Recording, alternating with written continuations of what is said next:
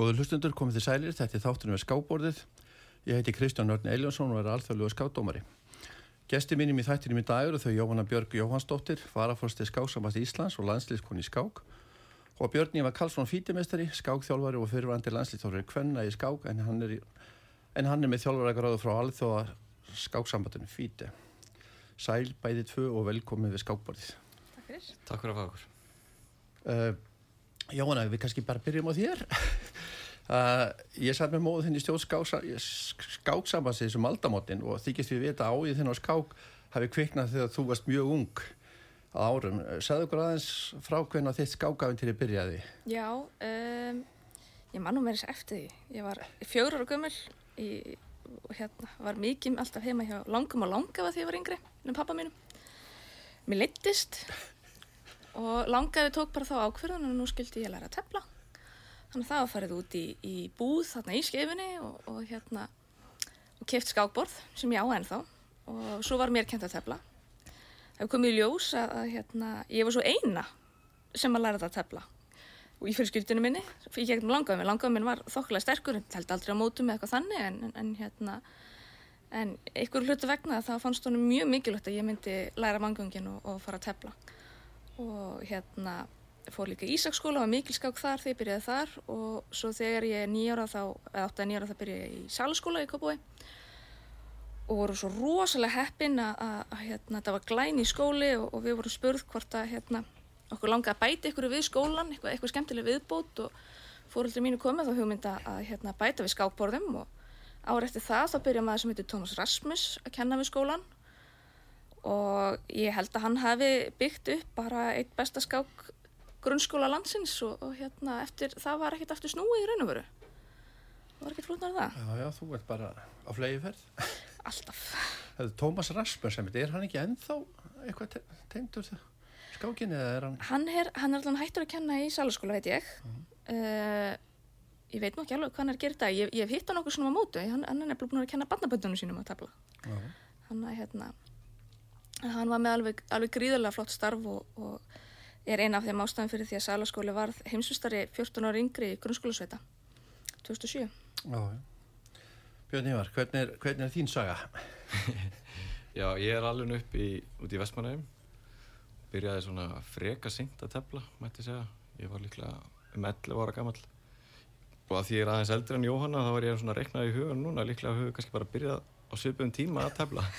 En hérna ég ólst upp í svona litlu og skemmtilegu skák samfélagi út í eigum. Þetta var svona lítill kjarni af, af mönnum sem voru allir tölvöld eldin ég og sumir svona í kringum meðan aldur og margir þeirra sjómenn og, og kom í land svona fyrir helgi og það var alltaf telt á fyrstutaskvöldum klukkan átta og ég mætti þarna í, í hverja einustu viku og teldi við þá og, og mér var náttúrulega að pakka saman algjörlega fyrstu vikunar en svona, svona smátt og smátt fór ég aðeins að ná í einn og einn vinning og ég var algjörlega ég sökti mér algjörlega í þetta ég, ég var mikið að lesa bækur og, og tímaritt sem voru til heima bæði pappi og afi uh, mjög áhuga sem eru skákina ég sökti mér algjörlega í þetta og hérna og bara fekk algjörst æði fyrir þessu sko og svona náði á nokkrum árum að vinna mig upp í að verða bestur í, í, í Vestmannu og svo hérna Var, þá, var þá Helgi Fluttur? Helgi Ólarsson? Það var Helgi Fluttur sem betur verið það Nei, nei, hérna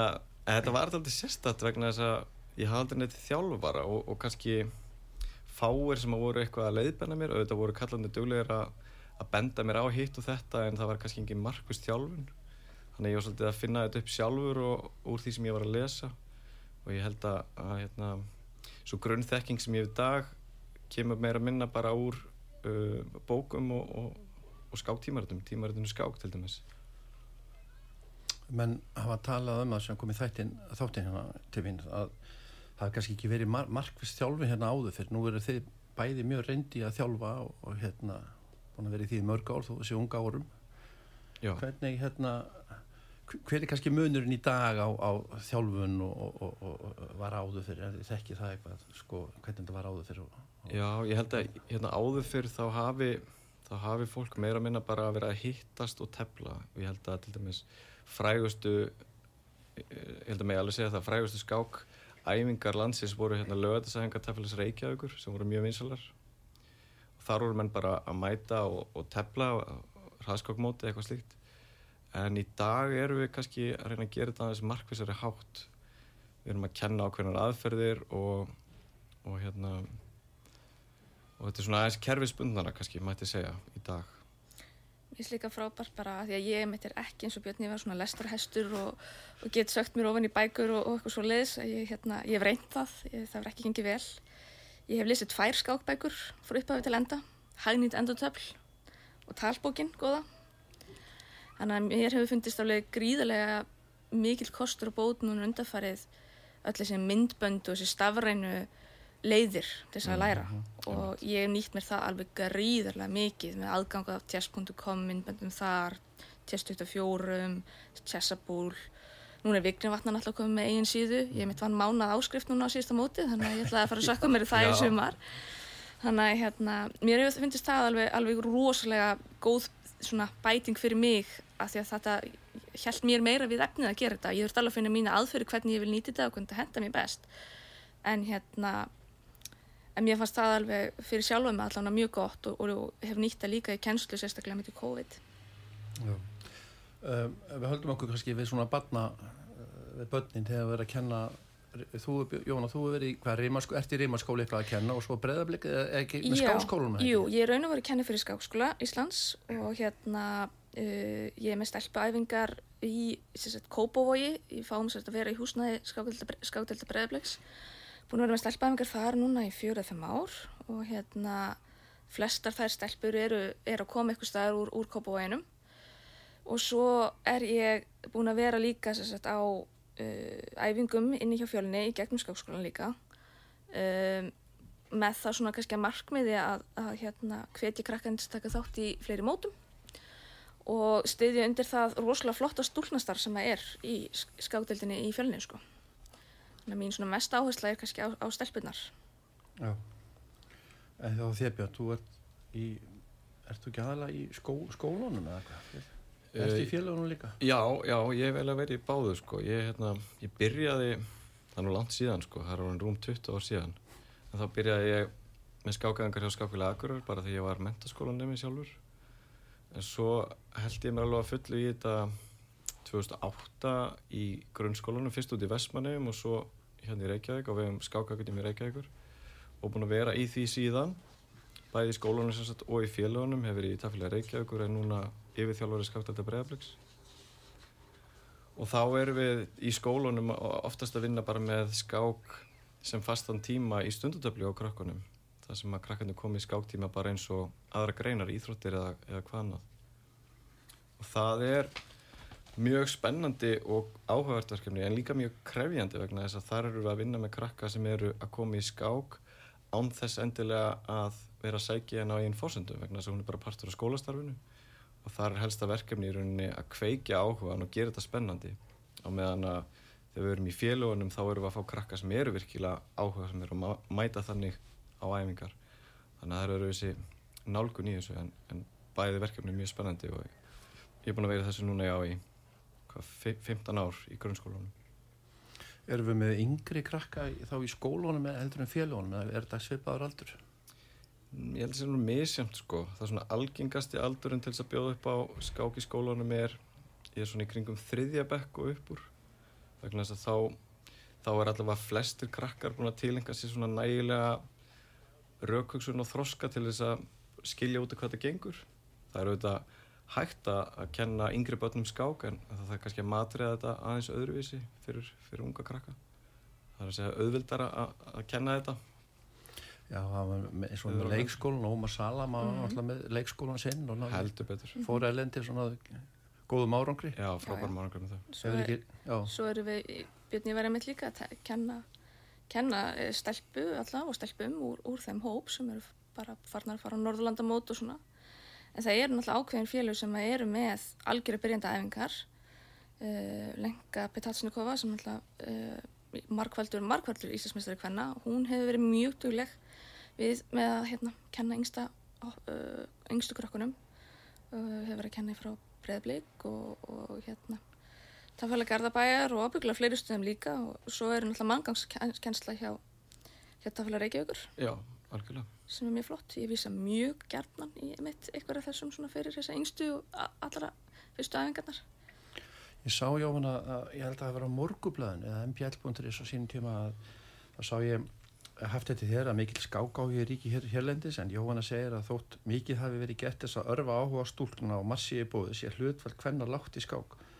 Svo segir þú hérna skák er auðvitað einstaklingsýþrótt en stelpu verið að sleita meira í hópi íþróttir. Til þess að koma til móts við þarfinnar hafa þær verunika í samræðu við skáskólana ákveð að bjóða upp á vikulegar æfingar fyrir stúlkur. Hugmyndin er að stelpu geti verið saman einu sinni viku, tengst, í gegnum skákina, myndað hóp og styrk hverja aðra til þess að halda áfram í íþróttin.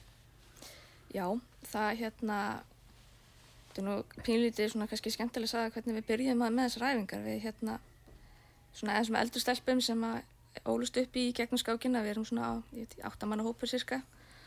Hittumst, hittumst reglulega og teflum og spilum og, og eitthvað svoleiðis og, og hérna, og eitthvað tíma þegar við varum nokkuð langt liðan á nóttina þá fengum við þessu hugmynd að vera með stelpaæfingar.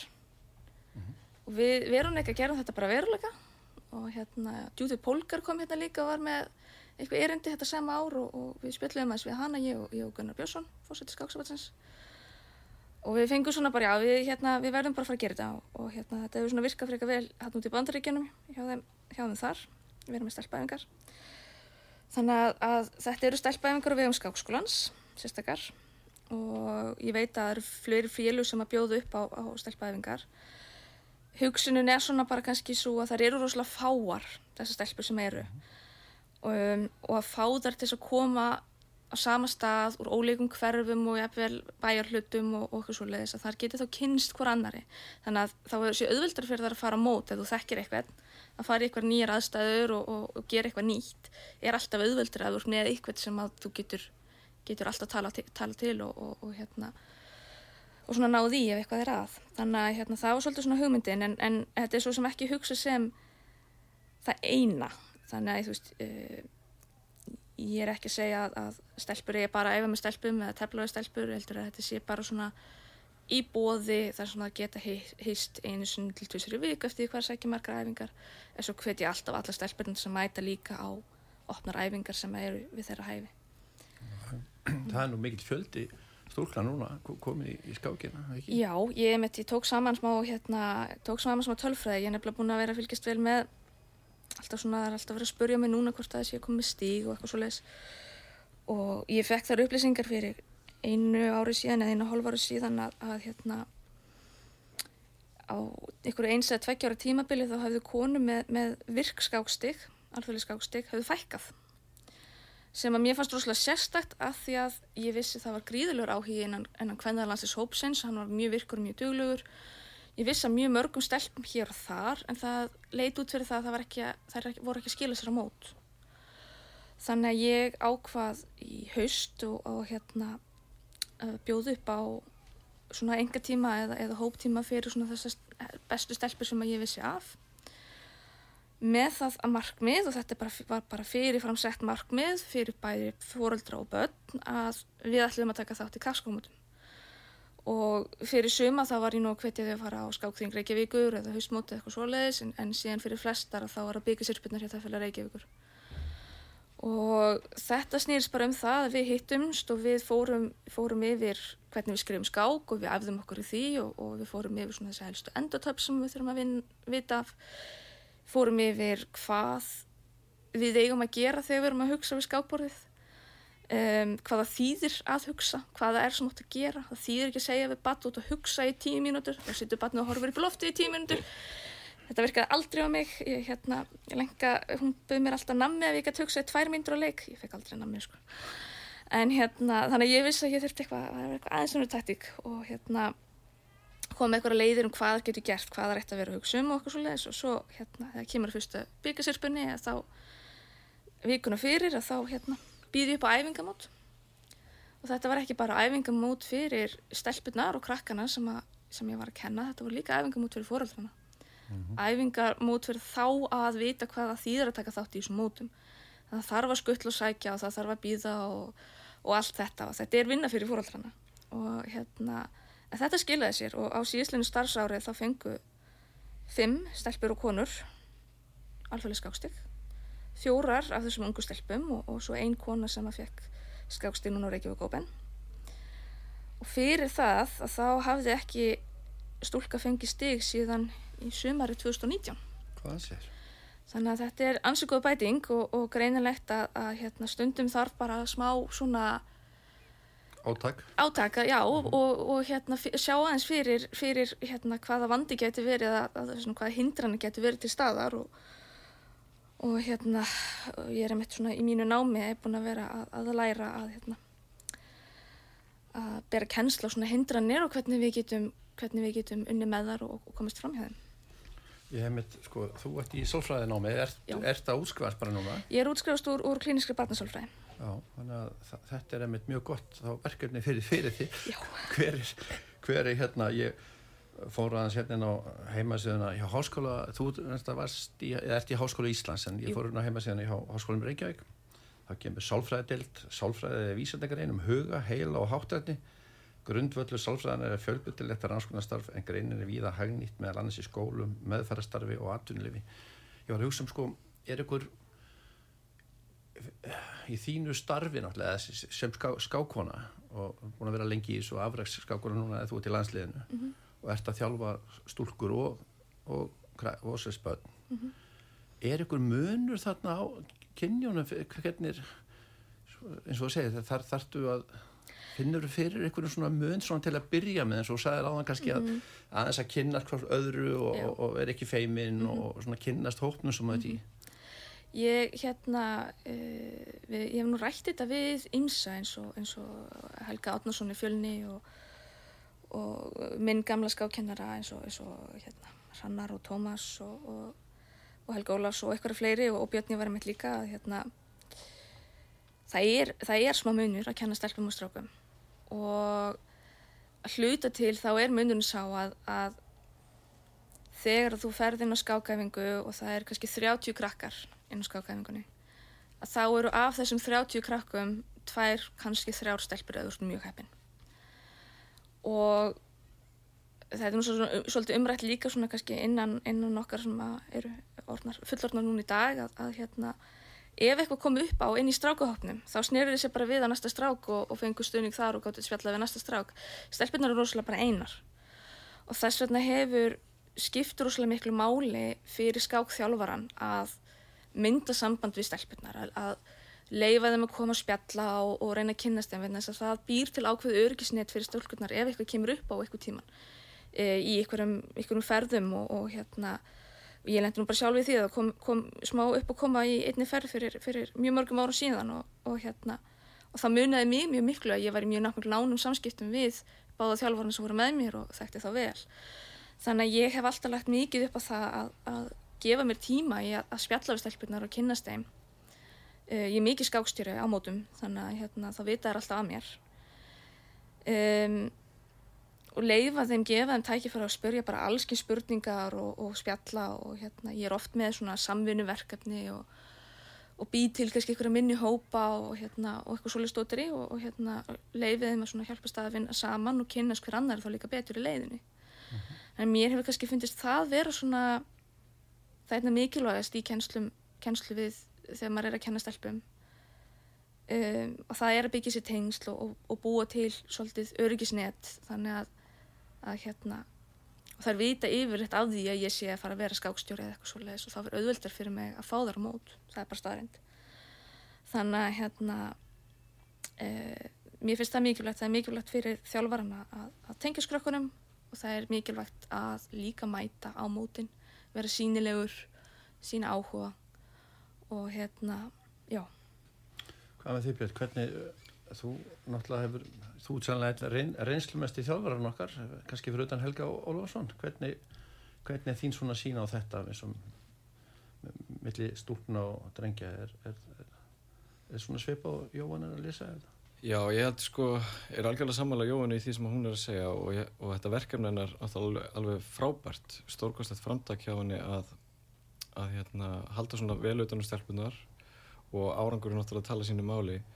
Ég hef hérna, alltaf haft mikinn áhuga á þessu uh, hvernig við hvernig við fáum stúlkur inn í skákina og kannski fyrst og fremst hvernig við höldum þeim í skákinu vegna þess að brottfallið sem er í skákinni hjá báðum kynjum í rauninni uh, það vegur einhvern veginn miklu þingra hjá stelpunum vegna þess að þær eru færri þannig að um, ég veit miklu tíma ég að hugsa um þetta og, og kynna mér þetta og lesa um þetta og ég hef tekið þátt í í verkefnum sem hafa skilað doldið góðum árangri í þessu með nokkala sumu nálgun og Jóhann er að tala um að þegar við vorum til dæmis, ég var með skákund í eigum fyrir 15 árum, þá vorum við með sér stúlnahóp og í svona litlu samfélagi eins og Vestmannegar er, þá sér maður að hvað getur skipt miklu máli að kveikja áhuga og, og ná góðum hóp, góðum kjarnar. Við heldum til dæmis uh, stúlnaskák mot Vestmannegar, ég held að það hafi verið 2008, það mættu 64 stelpur á mótið. Sem er, sem er ágættis ánökur og kannski við hæfi 64 eins og fjöldi reytan á tapborinu. Í Reymaskóla síðan ákvað ég í samræði við Helga Átnarsson fyrirhandi skólastjóra að, að vera með opna eða opna stúlna æfingar í lók skóladagsins sem þýtti þá að þegar krakkarnir voru að fara heim þá bauðst stúlkunum sérstaklega að koma saman algjörlega óháða aldri og hittast að skákaðingu og það voru 20-30 stelpur að mæta þarna og stór partur af, af þeim hópi skilaði sér síðan í þetta verkefni á Jóanu og, og þetta eru nokkar af þessum stelpum sem voru að koma inn á, á stegalista núna. Þannig ég held að þetta skiptir rosalega miklu máli þessi vingill að félagslegi þátturinn eru auðvitað mikilvægur fyrir það að finna fyrir stuðning frá hver annari og geta, geta svolítið spjallað og skipst á hugmyndum. Ég held almennt eftir að hafa unni með bæði stúlkum og drengjum og auðvitað fullorðnum fólki líka að þá, þá er algengara að strákunum sé þeim er oft alveg sama virðist vera hvort þeir hafa einhverja félag í kringu sig. Þeir geta svolítið verið einir einhvern veginn að grúska í þessu. Og meðan það er algengara meðal stúlnuna og hvenna að, að vilja svolítið skiptast á hugmyndum og spjallum hlutina og einhvern veginn vinna svolítið út frá því ég er auðvitað ekki alhafa um alla en, en þetta er svona línan sem maður sér oft í þessu og, og, og þetta er náttúrulega bara þetta verkefni sem Jón er búin að vera að vinna og það sem ég er verið að gera líka það bara sýnir sig að þetta skiptir miklu máli að, að búa til góðan hóp í kringum þetta. Það er heldur rosalega erfitt að vera eða að þeim, þeim líði eins og þessi einar í þessu. Ég held að þetta hljóta að vera mjög erfitt þannig að það er ekkert skrítið að við missa það stundum út úr skákinni. Ég man ég á hana að 2019 á Selfossi þarna þegar Chess Festival eða heimsmyndaramótu á Selfossi var þá varst þú og Tinna Kristi þið voru með fyrirlestur. Já.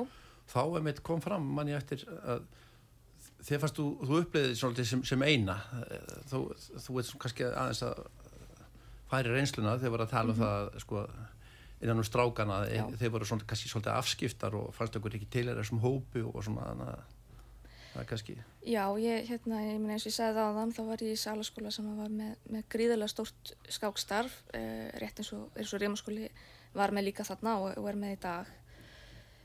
Við vorum jafnvel að fylla tvær rútur til þess að fara á, á skólakeppnir. En, en í öllum báðum fullum rútunum þá var ég kannski eina stelpann og hérna uh, það var ekkert alltaf, alltaf auðvelt. Það, var engin leiðindi en eitt svo leiðis en, mm -hmm. En, en það er samt ekkert það er ekkert sérstaklega auðvelt og, og hérna þá skipti mig miklu máli það að ég þekkti mitt eins og segi tinnu og og hinn að landsinskonunnar í dag að ég gæti alltaf á mótunum farið til þeirra og við vorum ágættis lið svona aðliðið þarna og, og hérna. En það sem að, að ég held líka hjálpaði mér, hjálpaði mér mikið þannig í sælaskóla er það að ég var á þessum tíma þá var ég bestilegin í skólanum og, ég, og var að vinna skólamestratítinu ég var að fyrsta borði. Það allir því ég fekk kannski aðeins meiri virðingu heldur en heldur en sumir aðri sem aðrástelpur sem að ég þekki sem að voru, voru ekki endilega þar og, og hérna og þetta er svona, já, og eins og ég segi, það skiptir þá rosalega miklu máli fyrir mig að geta alltaf tala við, að maður verður að hafa eitthvað að tala við, ég menna, ef maður fer á okkur stað og maður hefur engan til að tala við, maður þekkir ekki neitt, það er ekkert auðvelt, það er bara að vita það allir, þannig að það, þess vegna skiptir máli fyrir, fyrir þjálfarana að, að hérna, pikka út þá krakka, ekki bara stelpunar, það er líka fullt af strákum sem að, mm. sem að, hérna, ég, ég, ég er með eitthvað kvíða eða, eða ég meina, ég vil á einhverju rófunu eða, eða eitthvað, eitthvað svolítið þess að peka þá krakka út og, og hérna og svona vera vissum það að, að myndi ykkur að tengingu þannig að þetta koma á leita til ég hef svona kannski talað svolítið mikið fyrir, fyrir hérna svona umhverfunu í, í skákinni og hérna eins og þú nefndi með, með sálfræðin að sálfræðin er mikið stórtu rannsóknarsvið. Það er mikið um rannsóknir í sálfræði. Og ég lærði mjög hratt bara í, í mínu grunnnámi að, að við vorum búin að vera að gera kannski svolítið að mistökum í skákreifingunni þegar við vorum með eitthvað svona herrferð að bæta, bæta hvernarskák og eitthvað svoleiðis. Og, og svo komið tilbaka og sagði að þetta ger ekki neitt, bara virkaði ekkert. Og maður bara já, þeir endur þetta í eitt ár við þurfum eitthvað 10-15 ára plan hérna sko, mm -hmm. þú getur ekki breytt hérna heilir kynslu á einu ári, það er ekki hægt. Um, hvenna verðlaun og, og allt þetta og stúlna verðlaun og stúlna flokkar og, og stúlna mótsérstök og eitthvað svoleiðis. Það væri rétta eina rétta svarið þá væru við ekki með vandamál í dag. Þannig að við þurfum að fara að horfa hlutina frá annari hlið og það er svolítið það sem ég mitt var að tala um í þessari í þessu hérna, erindi þarna á Selfossi. Að hérna uh, að passa hvernig við erum að, að tala við hvort annað og, og, og þar komum við fullanda fólkið uh, mjög sterk inn og, og þurfum að vera fyrirmyndir um það hvernig við tölum og hérna uh, og svona dæmin sem að við höfum okkar á milli stelpunar í, í kvendalandsliðinu eru ótal mörg og enginn þeirra voru viljandi. Um, til dæmis um, um, Íslandsmót batn og unglinga 2008 haldið í Vesmanni uh, 15 ára yngri og ég vann það mót. Og mér er réttur Íslandsmeistari stúlkna af því að það var auglust það er Íslandsmeistari stúlkna og svo er Íslandsmeistarinn. Og svo er ég kallað aftur upp og, og hérna þá veit ég mér velunin fyrir, fyrir að vera Íslandsmeistari fyrir að hafa unni mótið og, og ég horfa byggarinn og ég segi bara það stendur drengir á byggarnum þið viti það. Og þá bara, já, voru allir svona frekar kindilegir og bara, já, sorry, við þurfum bara aðeins að laga þetta. Þannig ég var Íslandsmeistar í drengja og hérna og þú veist, þetta voru bara mistöki menn þetta gerist að þetta var lagað og, og, og allt það. Um, það hefur komið upp að það er verið að veita, uh, núna í dag er þetta sama mótorð öðruvísi, það voruð mjög flokkaskipt það er veitur Íslandsmeistar í drengja og Íslandsmeistar í stúlkna. Og svo í dag er líka veitur svo sem það er Íslandsmeistarinn hverjum aldursflokki fyrir sig sem að mér finnst alltaf skynnsamast á lustin, verið með þrennverlun En það hefur komið upp að þetta hefur verið, hefur verið veitt Íslandsmeistari stúlna og Íslandsmeistari drengja og starðamunir á byggarunum. Stúlkarnir fangi minni byggar. Og þetta eru svona skilabóð sem við erum að gefa stelpunum án þess að við áttum okkur á því. Mm -hmm. Við erum að gefa þeim þau skilabóð og þær eigi bara að vinna stúlna byggara og það, þeir eru minni og minna verði og eitthvað svo leiðis. Það er enginn sem meinar þetta þannig að það er enginn sem ætla sér að gera það. Nei þannig að hérna, við þurfum svolítið ofta að hugsa út vel hvað hva við erum að gera með, með stúlnavelunum og hvernig við tölum um hlutina og ég hef til dæmis aldrei á æfinni sagt að ég væri svo mikil dama þess að tapa hérna, svona lefði ég að kallinum að vinna sko. en, en ég hef rosalega oft heyrt að anstæðingurum minn hafi verið svo mikil herramæður hann leiði mér að vinna það er alls ekki sigur svona það, það er engin meining á bakvið þetta en þetta þýðir samt umhverfið er þá einhvern veginn hanna þannig að uh, svona ómeðvitað að þá er verið á, á, á stundum að segja stelpur eða bara tefla við stelpur og, og eigi ekki erendi í, í strákana. Og þetta er bara eitthvað sem við þurfum svolítið að hafa í hug alltaf og, hérna, og bara allir sem kenna og, og ekki bara kennarar heldur skákstjórar og mótstjórar og bara allir, bara hvað, hvað er ég að segja með þessu stelpuvelun, þetta er ekki bara einhver velun, þetta, er, þetta eru skilabóð til allara sem er á mótunum og krakkar þau skilja skilabóð og þau, við erum alltaf að gefa einhvers konar skilabóð allan daginn. Við þurfum að vanda okkur betur. Já. þannig að hérna, þetta er svona einmitt skrifaði smá greinum þetta eitthvað tíma núna fyrir ekkert svo lengur síðan. Hvernig var? Já, ég er bara enn og aftur tekið undir það sem að Jóhann er að segja og, og, og það má kannski nefna það að það er náttúrulega fyrir mig sem skákþjálfur að vinna með krökkum og, og þá stúlkum eins og við erum búin að vera að tala um. Um ég er ágætur og allt það en kannski fyrir, fyrir krökkunum er ég bara einhver kall sem er að kenna þeim. Þannig ég held að það sé mjög dýrmætt fyrir þessar stelpur sem er að koma inn í skákina að það hafi svona frábæra fyrirmyndir. Eins og Jóhannu til dæmis vegna þess að það er miklu líklar að, að stelpurna sjáu sjálfa sig í henni frekar en í mér og sjáu að, að, að það er hægt að verða eldri og verða fullorinn og, og verða skákmestari og allt það. Mm -hmm það er mjög dýrmætt. Þannig að við skulum fara í ölliskarlja og komum svo bara varma spóri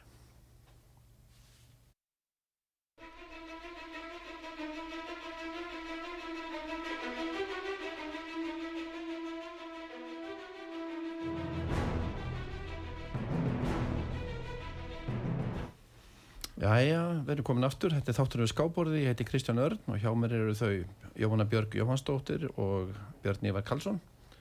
Við erum að ræða um skák.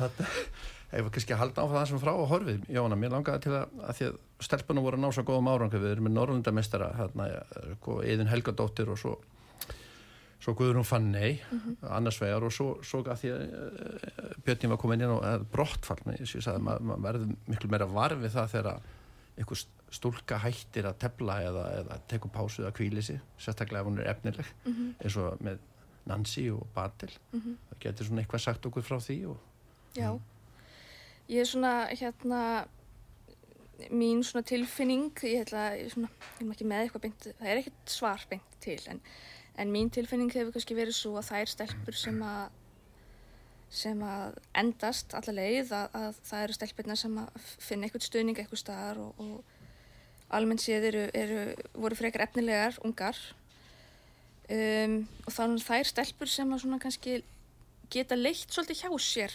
svona þessi litlu komment og, og aðtöðasemdir sem maður svona heyrir og, og hérna uh, og það er kannski svona það sem ég vil, vil breyta í, í umhverfinu hjá okkur og það er bara að hérna skák á ekki bara að vera fyrir, fyrir stelpur sem eru það harðar að sér að það er að hunsi allt sem þar heyri.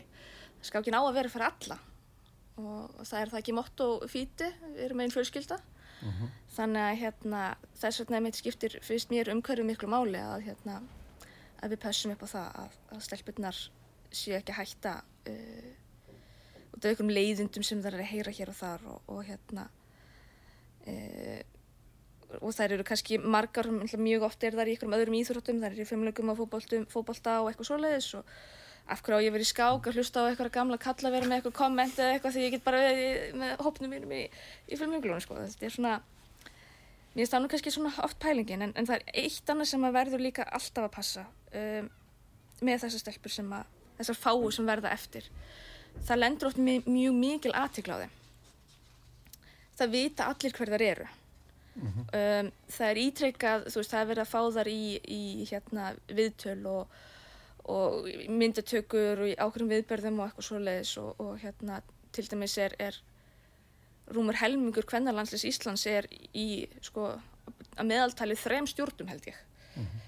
þú veist með, með skákstjóraréttindi og með þjálfararéttindi það er að gera rosalega margt annað heldur en bara að tefla og hérna það er ekkert allar stelpur sem að vilja fara í bladaviðtal eða sjómasviðtal eða vera að það sé eitthvað að trana þeim fram. Það er ekkert eitthvað sem allir endilega vilja. Og það þarf ofta aðeins, aðeins að passa upp á það það sé ekki verið að setja of mikla þannig pressu á stelpunar sem er vilja bara að fá að mæta og þær vilja bara að fá að tefla sínum móti. Þannig að mér finnst það svona kannski já, Hva, hvað finnst ég Björn? Já, algjörlega. Og svo er náttúrulega líka við eigum núna uh, nokkrar mjög efnilega stelpur mm -hmm. sem er að koma upp. Og það smitar út frá sér. Mm -hmm. Það er yngri geta litið upp til þeirra og það, virkar sem kvartning fyrir þær og mér finnst það líka virka sem kvartning fyrir þær eldri sem að skipa landsliði vegna þess að það er auka breytina í hópnum mm -hmm. og það er hvetja uh, núrendi landslískonur í rauninni til enn frekari árangus mm -hmm. vegna þess að því meira sem að breytin eikst, því meira eikst þessi jákaða samkeppni mm -hmm. um sæti í, í landsliðinu og sæti á, á toppnum í íslenski skákræðingu þannig að þetta smittar út frá sér í báðar áttir uh, bara í ákvæmt sko. þannig að það er mjög mikilvægt fyrir okkur núna að halda vel um utanum en flotta hóp sem er að myndast af, af ungum og efnilegum stelpum. Já og svo með Guðrunu og, og Eðinu þær voru þær ekki hann var nú norraldamestar á neyðu núna í vor. Jú. og Guðrún reyndar sko en að gæslepa líka var það ekki jafnar eða sérst Jú, það er skiptu efstasæti held ég. Já. og þær hafa báðar sko bæði verið gríðilega virkar á undarferðinu mm -hmm. eh, ég var nú að taka þetta saman um daginn bara. Og síðastleginu ári hafa þær báðar telt rúmlega 80 skákir hvort fyrir sig. Og önnur þeirra hækkað um tæp 200 steg og hinn eitthvað rúm 100 steg mm -hmm. sem er þetta frábært sko. Er ekki hérna, þeir sem er á stormestarlunum þurfa það ekki að tefla okkur 70 skákur ári. Já, ég myndi það er rauninni bara að tefla eins og, og aðurmenn sko, segja. Það er alltaf mjög gott sko. Það eru báður komðar inn í, inn í æfinguhóp uh, kvennarlansinsins líka sem Já, er frábært. Það er algjörlega frábært að tengja þær við við hinnar eldri og reyndari sko. Ég var að mynda að skoða þetta í morgun.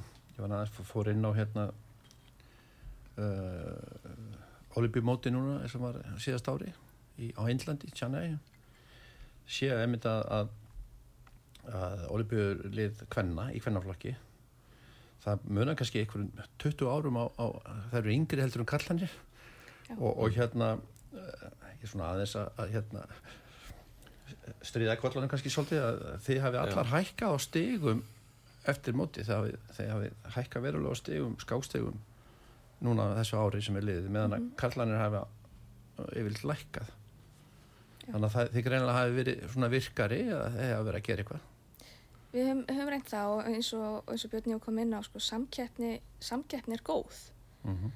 og hérna það, það er bara staðrind og, og við hefum verið svo hefnar að fá uh, hérna, til okkar konur sem er að voru að flytja, skákonur sem eru uh, að flytja hérna til landsins og, og koma inn í íslensk kannaskáklíf og, og það hefur verið, gefur rosalega mikið búst að fá fleiri inn að, að hérna, það gefur meiri metnað og, og hérna, maður getur líka lært um þetta af hvernig konur og, og skákminn hafa verið að læra erlendis og, og, hérna, og nýtt það hérna hjá okkur, okkur líka sko.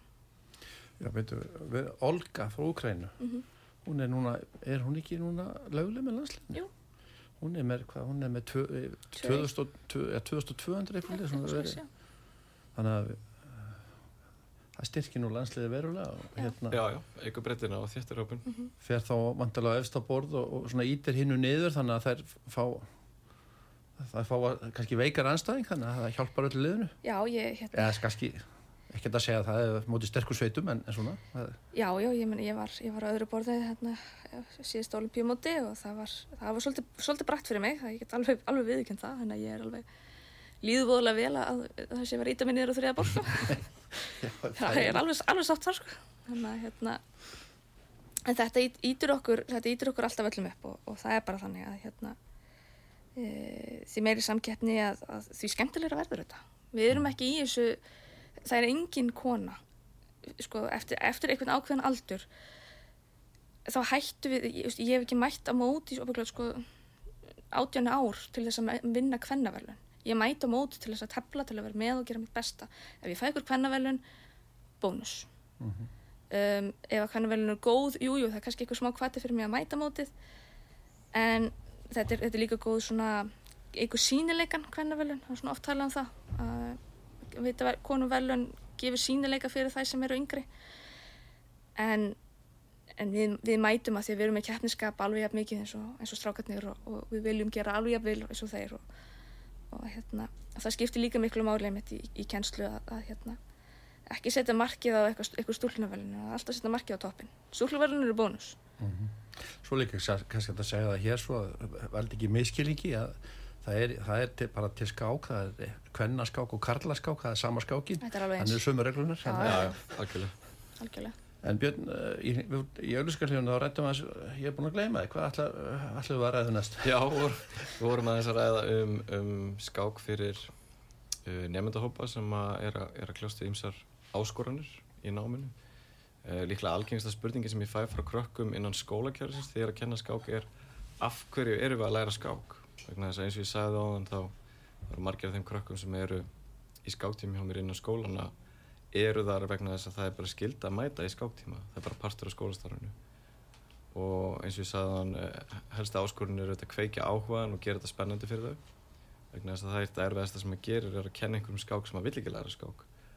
En skák getur verið greiðlega dýrmætt og, og, hérna, og góð fyrir, fyrir alla og ekki síst hendar hún vel krökkum sem eru að, að kljástu ímsar áskorunir í námi og bara lífinu almennt til dæmis börn sem hafa fengið ADHD greiningar eða er að kljástu kannski við lesblindu eða, eða félagslegar áskorunir íms ímsum tóa og við, ég hef svolítið svona sérhætt mig í þessum hóp vegna þess að fyrir nokkrum árum þá, þá fengum við styrk frá Rannís til þess að vera með verkefni í reymaskóla upp í Grái og bjóða upp á skák fyrir þennan nefndahóp sérstaklega.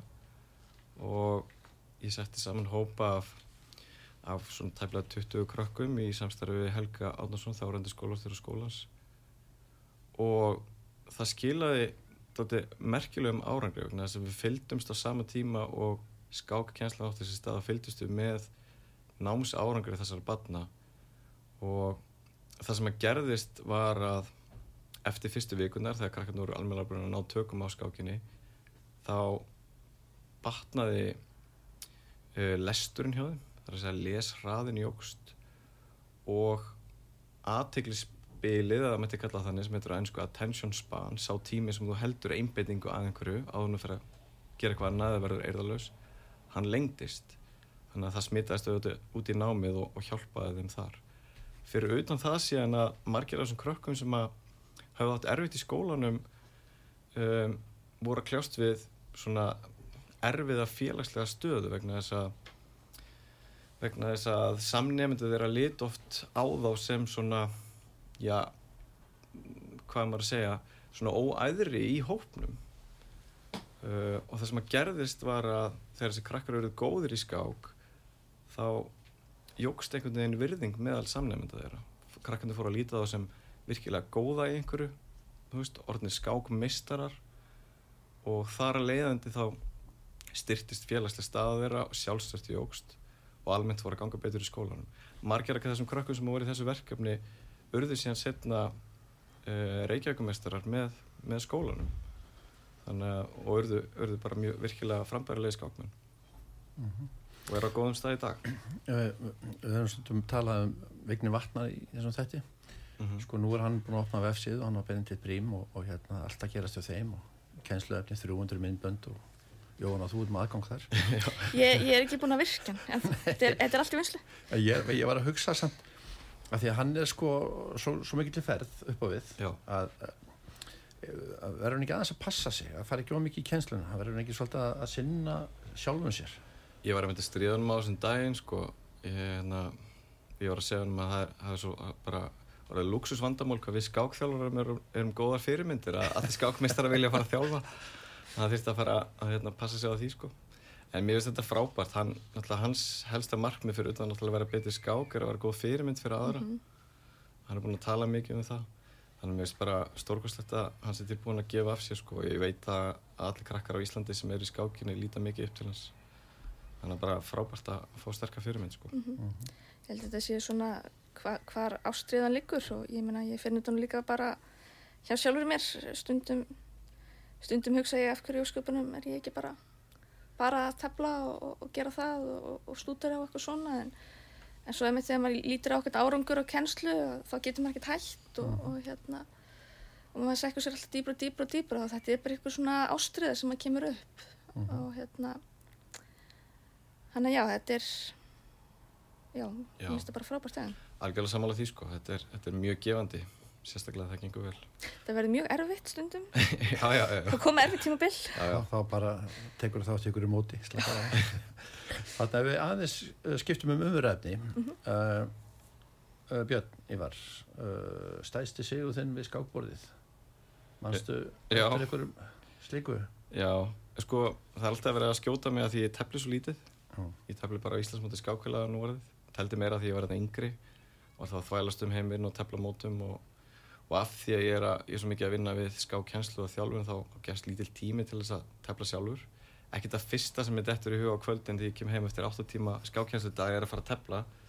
En, stundu gefst tími til þess og ég, ég gef mér alltaf tíma til þess að tefla í Íslandsmöndir skákvöla fyrir nokkrum árum þá þá var ég að tefla á fyrsta borði fyrir skákvöla Akureyrar og hef svona í gengum tíðin að veri á efri borðunum í, í efstu deildunum og þá fær maður tækifæri til að tefla við sterkaskákmenn og oft erlenda atvinnumenn.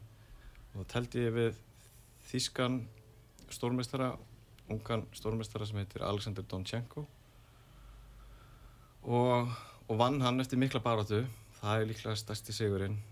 Hann var þá að ég held með 2660 skákstík og það var kannski skemmtilegt að að hann Donshenko hann var svona rýsandi stjarnar á þessum tíma hann hafði nýlega fengið tækifæri þarna til þess að tefla á Tata Stíl stórmótinu með bestu skákmennum heims meðal annars þárandi heimsmystara Magnúsi Karlsson og hann náði jættibli á móti Karlsson með svörtu í sikilega vörn kom síðan til Íslands og tapaði með svörtu í sikilega vörn á móti Karlsson og það var kannski svolítið broslegt svona eftir á Já, mitt.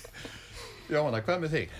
Manst þú? Úf, ég man nú ekki eftir, eftir svona stærsta sigrunum. Um, ég, ég átti, ég, þegar hann hérna Hjörvarsteinn, Gretarsson stórmestari var að verða stórmestari, við erum jafngömmul og, og hérna svona ölumst upp í þessu saman, að hérna, þetta, svona, þetta var eitthvað svona ásko þar sem hann var svona loka sprettunum að, að verða stórmestari og ég vann hann á eiginlega öllum mótum þetta ár og hann far aldrei að klemma því. Ég mun, ég mun alveg nota þetta gegn honum alveg það sem eftir er sko. Þannig að það var mjög, mjög indislegt og en, en hérna ég, ég teldi nú nýlega ég teldi nú bara hérna á Reykjavík Open skák sem ég var gríðarlega stolt af. Ég hérna múti ykkur um 300 stíðum herra en ég þannig að það var nú ágætis, ágætis stigamönnur en hérna yfirleitt eins og Björn Ívar veit fyrir, um þjálfarinn minn það voru skákirni mín að gerna mjög skrautlegar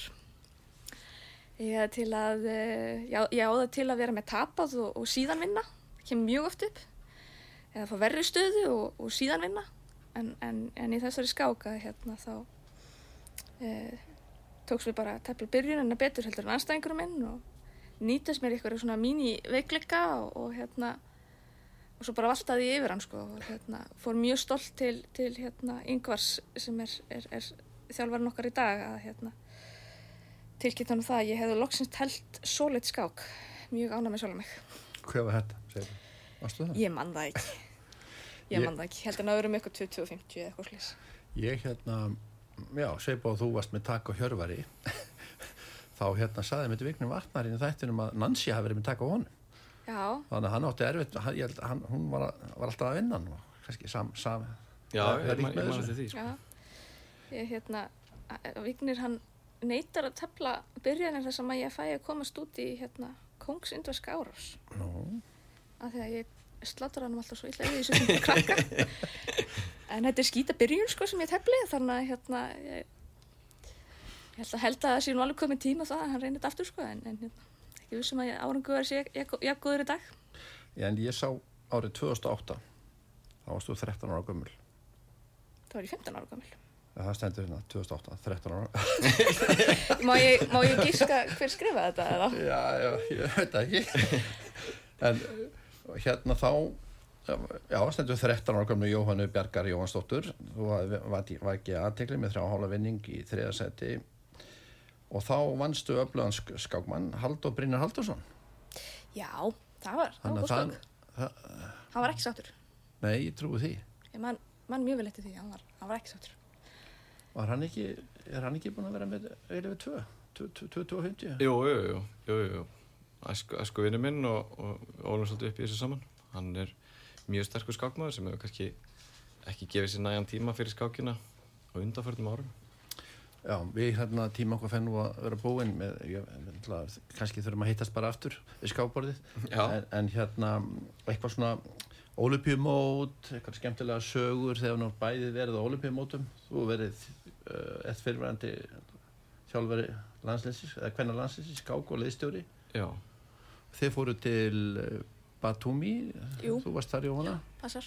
Já, og vorum á olimpíumótinu í Batumi í Georgiu 2018 Já. og ég var þar áður þjálfari leysins á olimpíumótinu í Baku í Azerbaijan 2016. Mm Þetta er alltaf bara frábær einslega að fara á þessum mót sko, algjörst ævintýri í rauninni vegna þess að á þessum olimpíumótum eru, eru nánast alla þjóðir heims sem taka þátt. Og þarna bæði sér maður bestu skákmenn og konur veraldar en líka fólk sem að er að koma að tefla allt öðrum fórsöndum í rauninni bara til þess að taka þátt og hitta aðra uh, allstæðar að í heiminum. Þannig að þetta er, þetta er mikið ævintýri og, og náttúrulega mjög skemmtilega reynsla að taka þátt í þessu sko, krefendi verkefni. það er það, kemur alltaf eitthvað, eitthvað óvænt og skemmtilegt og stundum, stundum verður hlutinir finnir eftir á, Já, mjög einmitt, oft þannig. Einmitt. um, en, en jú, við hérna það er alltaf fjör. Þetta er, þetta er alltaf sérstök reynsla að taka þátt í svona móti sem, sem þjálfari og liðstöru vegna þess að þú ert þjálfari skák þá er þinn tím í rauninni bara fyrir skákina að koma einhverja framfæri, gefa ráð eða, eða leiðbenningar eða leggja upp eitthvað eitthva leikplan fyrir skákina. Svo þegar umferðin byrjar eða skákin byrjar þá þarfst þú bara að sitja rólegur og, og þegja vegna þess að þú mátt ekki vera nefnum samskiptu við keppindur á meðan. Mjög ólíkt hlutverki til dæmis knaspöldnu þjálfara sem að getur staða á hliðalínu og öskrað fyrirskipuninu meðan leikurinn er og ég hef gert breytingar á liðinu í, í miður leik. Þannig að þetta, þetta er þetta er alltaf sérstaklega hlutverk að vera í og mikil vinna sem fyrir fram baku tjöldin og, og ég hef vel á nóttunni þegar tími gefst til mm -hmm. að undirbúa viðurinnir Ég var, ég fór eina ferð sem, sem liðstjóri, fór sem liðstjóri á Norðurlanda mot stúlna fyrir árið síðan, kom heim, horða Björn Ívar og yngvar og ég spurði bara hvernig, hvernig geti þetta, mót eftir mót eftir mót. Það var rosalega erfitt fyrst mér að horfa á, horfa á svona skákir og geti ekki gert neitt og geti ekki sagt neitt og ég get alveg ímyndað mér að Björn hafi nokkur sinnum öskraðið mig í hausnum í skákurum. Nei, nei, ekkert svo hátt. Jú, jú, maður stundum að býta tungun á sér en, en þú veist, og svo bara vinna í því sem er hægt að laga eftir skákina skilur og reyna að gera betur næst sko. Hvernig eins og á svona ólipjumóti eins og nú hefur hérna, já, yngvað þórverir þjálfar ykkar þeir eru að undirbúa daginn eftir þá hvað hverju að tefla fjóra sem tefla, einn varamadur mm -hmm. kvílið og svona mm -hmm. þeir eru byrjuð undirbúningin, er hann í öllum skákónum eða, eða, eða, eða hafið einhvern annan þjálfara er það að fara yfir þetta með einhverjum öðrum Um, yfirleitt er það nú bara þjálfarin, sérst, e, þá yngvar eða, eða björn. Um, einstakar sinnum höfum við kannski fengið aðstóð frá hérna ykkurum af köllunum sem eru í, í landsleginu í opnumflokki. Svona e, ef að hægt er og við erum nú tvísasunni búin að lendi því stelpunar að þjálfan okkar hefur forfallast bara á allra síðustu stundu. Og þá hafa einmitt, einmitt strákarnir í, í hinnur landsliðinu hérna, aðstóð okkur mjög mikið sko þannig að hérna, sem hefur verið mjög gott. Um, en, en er alltaf fyrir líka mikill undirbúningur fram fyrir mótið og, mm -hmm. og hérna ég hef til dæmis nýtt mér þjálfun frá, frá Hjörvari eða já, kannski Hjörvari sérstaklega hann hefur hjálpað mér mikið undanfærin ár mm -hmm. varandi byrjan af val og, og eitthvað svoleis og hérna þannig að það er svona já, þetta er, þetta er náttúrulega svolítið pakki þegar maður er hérna úti, maður vaknar og borða morgumat og stútar er í fjóra tíma og hátegismat og stútar er í tvo tíma og svo telt í 5-6 tíma og svo farið yfirskákin eftir kvöldmat og þetta er Já, já, þetta er langi dagar. Þetta er langi dagar og tekur miklu orku. Og ég held að það sé mjög dýrmætt fyrir og mjög mikilvægt fyrir landsins fólk að vera að mæta vel undirbúið á mótið vegna þess að það er þetta er bara eins og að fara í erfitt próf. Veist, það er erfitt að fara að frumlesa nokkrum dögum fyrir prófið. Mm -hmm. það er mhm. bet, betra að vera vel undirbúin allt árið og þurfa sem bara rétt að rifja upp áður nú mætir mætir í viðröðuna þannig að ég held að fólk ætti að reyna að nálgast þetta á svipaðan hátt að, að hérna, geta bara að rifja upp rétt fyrir skákir það sem mhm. er löngu planað fyrirfram. Þetta getur líka komið upp að þú heldur að sérst að læra fyrir íslensku próf sko, en svo kemur bara veist, dan danska í prófinu Ná, og þú setur bara, ó nei. Þetta er góð lýsing sko. Þannig að hérna. Góð lýsing, það er rétt. Já. En tíma okkur er að liðin, er eitthvað svona rétt á lókum? Já, það er eitthvað margt sko. Margt Ég, ég veit að við verðum vel að hittast aftur þetta en hérna svona um, Já, það er góð spurning. Nei, ég meina bara svona með það sem við erum múin að tala um sérstaklega og fókusin kannski á krökkunum og stúlkunum þá sérstaklega, þá held ég sé bara á mjög góðri leið núna sem skák þjóð hérna á Íslandi. Um, og ég held að sé bara bjarti tíma framöndan hjá okkur. Já, samanlega því. Það gríðalegur áhugi og hérna, ekki bara hjá litlu krokkunum, það er líka bara eldra krakkar sem eru að koma inn á mót skemmtilega sem að er alveg frábært að sjá og hérna, og já, þetta er bara, lítur allt rosalega vel út og, og stóru flott stelpahópur sem, að, sem að er að koma upp og, og vonandi tekst okkur að, að halda vel í hann, halda út um hann. Framtíðin Björn. Svo. Uh, lag í lokþáttanins, þegar við valið eitthvað lag, eða ekki? Já. Við hérna komum okkur saman um að velja Íslands lag sem heitir Þú komst í hjartaði mér uh, með texta eftir Pál Óskar og í fluttningi hljómsveitarinnar Hjaltalíns og lagi hefur smá skáktengingu því að hljómpasleikar hljómsveitarinnar Hjaltalín er, er skákmaður Hjörstur Ingo Jóhansson, sonur Jóhans Hjartarsson og stórmestara um, mjög fær tónlistamæður og, og skákmaður Já, við fáum þá lagið í lok þáttarins en þættunum við skáparðið lokið í dag. Ég þakka gestur minnum þeim, Jóhannu Björgu Jóhannsdóttur, varaforsta skásamast Íslands og landslískonu í skák og Byrni Ívar í Karlsson í fítimestar og skákþjálfara fyrir komin í þáttun og aðvað frálega og skemmtileg spjall. Bræðar Einisinni, Þorstinni, já, Þorstinni er ekki með okkur núna en Bræðar Einisinni þakka ég fyrir teknimól og stjórnum útsendingar og hlustundum öllu fyrir hlustununa. Ég heiti Kristján Rörn, verið því sæl og góða stundir. Og þegar þú komst inn í líf mitt breytist ég Þú komst, þú komst við hjartað í mig Ég þóri að mæta hverju sem er. Þú komst, þú komst við hjartað í mig.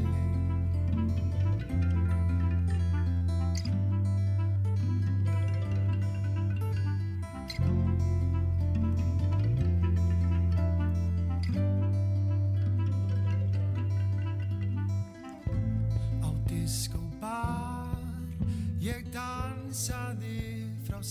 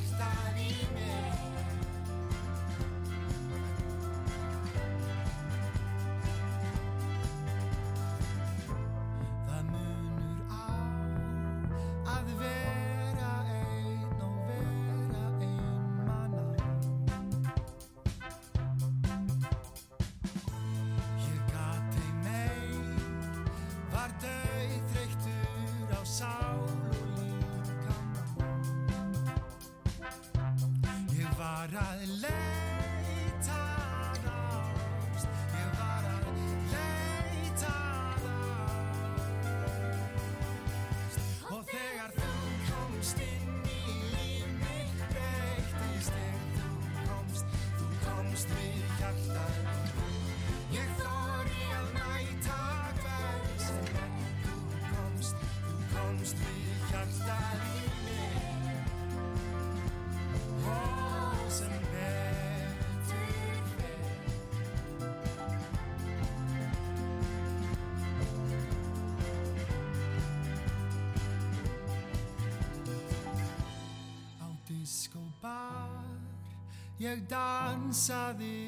cirka tólf til sjö